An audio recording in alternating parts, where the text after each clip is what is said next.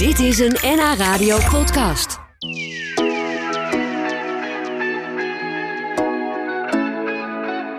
Ik ga praten met Kirsten Dorrestein. Ze is van jongs af aan al gefascineerd door vooral kleine dieren, zoals de hommel en de zweefvlieg.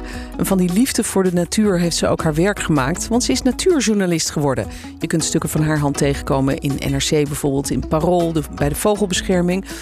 Maar nu heeft ze ook een boek geschreven. Haar debuut is het. En dat boek heet Het Boek van de Kleine Dieren en de Wat Grotere. En daarin uh, is ze met uh, ecologen, vogelaars en andere deskundigen uh, de natuur ingegaan. En ja, eigenlijk gaan kijken naar de stand van de natuur in ons land. Waar komt die liefde van de, voor, de, voor de kleine natuur vandaan bij jou? Ja, Hoe begon dat? dat? Dat, was een goede vraag. Het, het, ik had het met mijn vader nog erover dat, dat wij denken dat het eigenlijk echt uit mijzelf kwam. Dat ik met die hommels bezig was, dat was voor hem eigenlijk nieuw van... hé, hey, wat een leuk dier. En hij was met vogels bezig vooral. Ja, jouw uh, vader is de schrijver uh, Hans Dorrestein, voor wie net niet gehoord heeft. En hij schrijft natuurlijk ook over natuur en over vogels. Ja, klopt. Ja, ja. ja dus ja, toen ik een jaar of uh, tien was, zat ik al heel vaak geknield in de tuin bij allerlei kleine diertjes. Ook lieve heersbeestjes en slakken. En ja, ja dat vond ik geweldig. En, wat en maakt, nog steeds. Ja, wat maakt de hommel voor jou zo mooi en aandoenlijk? Ja, dat harige lijf uh, maakt hem heel knuffelbaar. En, uh, en uh, ja, hoe die, dat, dat zoemende geluid, best wel hard. en hoe die lekker bezig is van bloem naar bloem. En dan hoe je soms dat achterlijfje, dat kontje uit een bloem ziet steken. Dat, en dan met die stuifmeelklompjes heeft hij aan zijn pootjes. Oh, je beschrijft het ook heel schattig, ja. ja. ja. Ja, de hommel is ook een van mijn favorieten. En ik heb wonder boven wonder, op mijn balkon op vier hoog, heb ik ook hommels. Ja, dat Die komen echt, daar uh, de honing uit de bloemetjes halen. Ja, leuk dat dat kan. Dat, dat, dat wist ik ook niet uh, tot voor kort eigenlijk. Dat je gewoon op je balkon, als je daar goede planten neerzet, dat, uh, dat ze daar ook gebruik van kunnen maken. Ja, jij had ook een fret als huisdier. Klopt. Hoe was dat?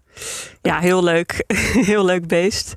Uh, marterachtige. Um, ja, die, die huppelde door de kamer en we speelden heel veel met hem als kind.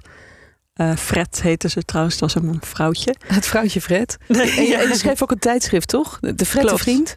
Ja, dus uh, over alles wat met de Fred te maken had. Verhalen, dingen die ik had meegemaakt. En oh. plaatjes knipte ik uit, hele avonden op mijn kamer. Ja, dus dat schrijven over de natuur zat er eigenlijk ook al vroeg in. Ja, precies. Ja, en dan heb je ook nog een bekende schrijver als vader. Dus dan is eigenlijk één en één op is twee. Je had natuurlijk ook gewoon biologie kunnen gaan studeren. Ja, maar ik ben niet zo in de beta uh, goed. Dus uh, dat viel eigenlijk af. Mensen dachten wel dat ik misschien biologie ging studeren. Mijn opa bijvoorbeeld. Maar um, nee, het werd toch Nederlands. Net ja. als mijn vader ook weer. nou ja, jullie lijken misschien gewoon wel een beetje op elkaar. Dat kan ja. toch? Ja, zeker. Ja. En je, hebt dus nu dat, uh, dat boek geschreven. Dat is jouw eerste boek. En uh, daarvoor ben je uh, met allemaal specialisten zeg maar de natuur ingegaan. Hè? Dus bijvoorbeeld een ecoloog die alles weet van de boomkikker. Of iemand die, die jou alles kon vertellen over de haas. Hoe heb je die beesten gekozen? Want het zijn 23 hoofdstukken met elk dus eigenlijk een ander dier of ja. een ander diersoort. Ja, nou, ik had al wel, uh, ik had geloof ik al zes artikelen liggen die ik in de loop van de jaren al geschreven had voor kranten. Dus die, die heb ik meegenomen en ik heb een mix gemaakt van zoogdieren, insecten, vogels, amfibieën. En um, ja, het is gewoon mijn eigen voorkeur. Dus voor dieren die, ik interessant, uh, die me interessant leken.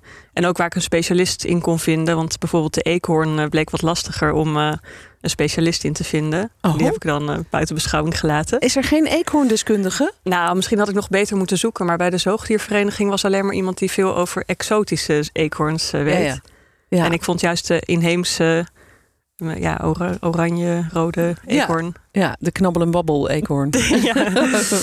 ja, maar oh, wat, wat opmerkelijk eigenlijk. Je zou denken dat daar heel veel mensen heel geïnteresseerd in zijn... en daar al boeken vol over hebben geschreven. Nou, misschien nog een gat in de markt. Ja, ja, ja net als van de Egel. Dat, dat is meisje dat ik interviewde... had de Egel Stichting opgericht... omdat, uh, omdat ze erachter kwam dat hij nog niet bestond... en dat er eigenlijk heel weinig informatie over de egel beschikbaar was...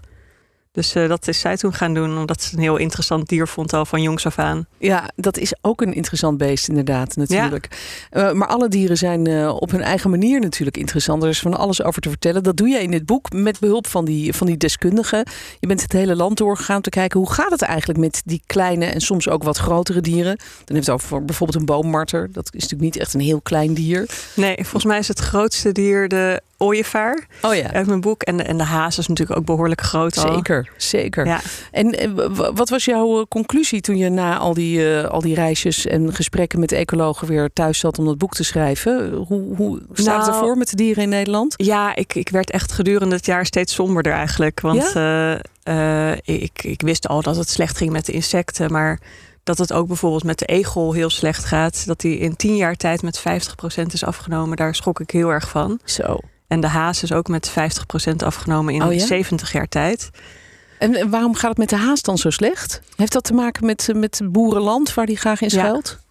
Ja. ja dus de haas eet uh, graag allerlei verschillende kruiden. En op de boerenlandstukken uh, stukken die je ziet, uh, daar, daar groeit vaak maar één soort gras, Engels rijgras. Dus daar kan hij niet zoveel eten vinden.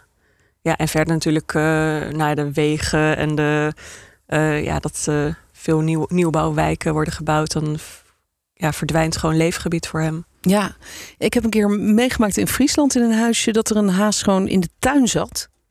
Heel rustig eigenlijk. Eh, af en toe hoorde die wat en dan ging helemaal laag zitten. Heel mooi. Maar toen was ik wel verbaasd. Want ik dacht van, goh, dat zo'n beest... Het was echt in een best wel druk gebied eigenlijk. Ja. Met heel veel huizen en tuinen waar ook mensen liepen. Dat had ik niet eerder gezien. Is dat ook omdat zijn le leefgebied misschien zo klein was geworden? Ja, je kent die haas natuurlijk. Misschien wel, ja. ja. ja. Ik begreep wel dat hij nog niet beschermd wordt, omdat hij nog in elk uh, kilometerhok, noemen ze dat dan, voorkomt in Nederland.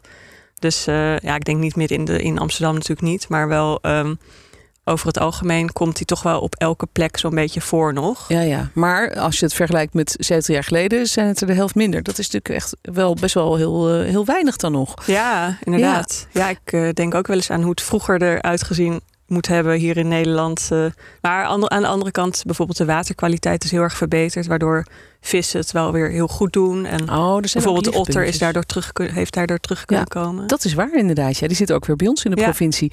En we hoorden laatst van een uh, bioloog die hier op bezoek was... dat hij een zeearend boven Amsterdam had zien vliegen. Nou, oh, wow. dat, dat, is toch ook wel heel bijzonder. Ja. Goed, nou, we praten zo nog even verder over jouw, uh, jouw mooie boek. Ik praat vandaag met uh, natuurjournalist Kirsten Dorrestein. Zij ging op pad door het Nederlandse dierenrijk... samen met ecologen en andere specialisten... die alles weten van één bepaald dier... En uh, daar schreef ze een boek over, over haar bevindingen met de titel Het boek van de kleine dieren en de wat grotere. Want ja, Kirsten, het gaat van de haas en de boommarter tot het lieve heersbeestje, de hommel. En het piemel, uh, nee, het piemelkrieltje, wat is dat? ja, dat is een soort zweefvlieg.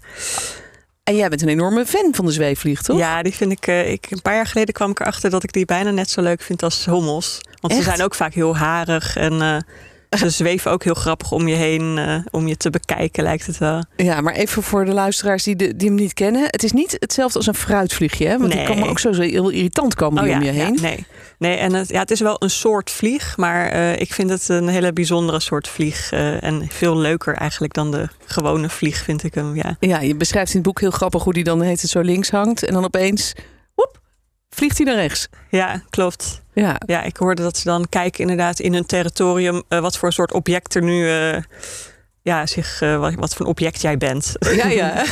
dan gaan ze hier gewoon scannen. Ja, ja human. Humanoid. ja. ja. Elk hoofdstuk neem je dus een, een ander dier onder de loep. Um, je bent het hele land door geweest. Um, wat was het meest bijzondere dier wat je gezien hebt? Wat je, wat je niet eerder daarvoor was tegengekomen in het echt? Nou, ik vond de boomkikker echt heel mooi. Dus een uh, felgroene kikker die uh, uit het. Ja, ik dacht dat je alleen maar die in de tropen kon zien. Maar uh, die blijkt gewoon in Nederland wel voor te komen. Niet meer zo heel veel. Maar in de achterhoek nou, was nog een plek. Ja. Ja, en we vonden hem, want hij was moeilijk te vinden. In een bramenstruik op een groen blad zat dan een groene kikker.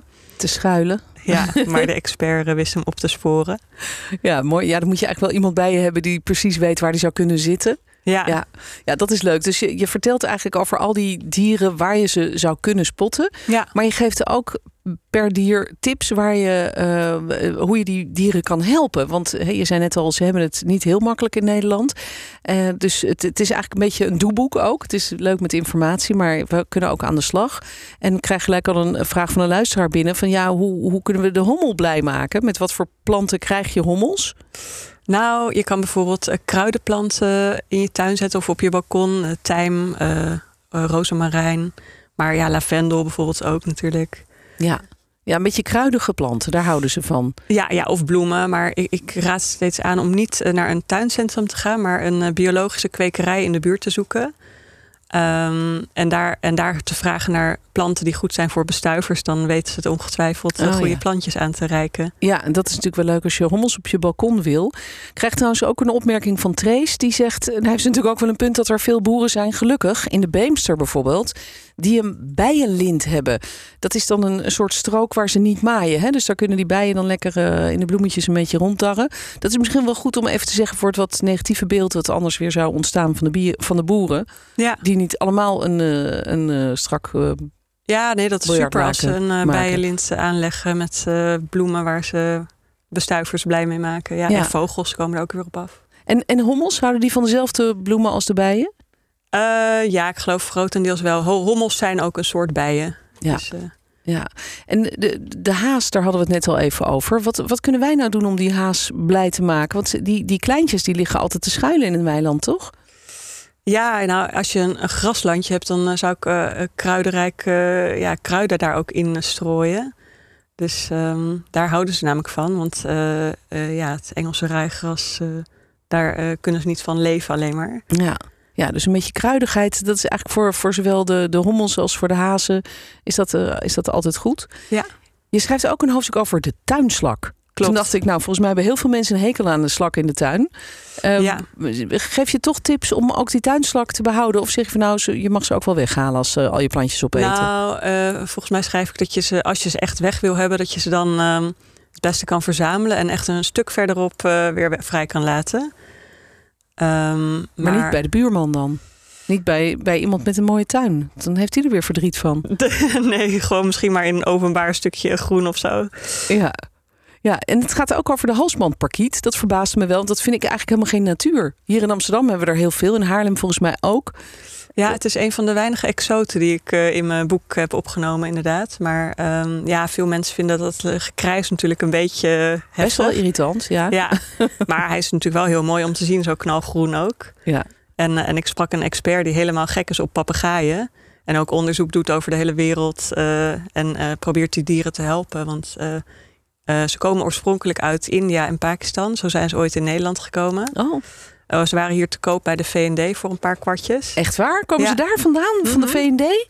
Dit is nog het laatste overblijfsel van de, van de Vrome Dreesman. ja, ooit. maar oh, die mensen werden natuurlijk toch gek van dat gekrijs uh, bij hen thuis. En die hebben ze vrijgelaten. En die hebben elkaar gevonden en zijn zich gaan voortplanten. En nu komen ze dus in de steden in de Randstad voor.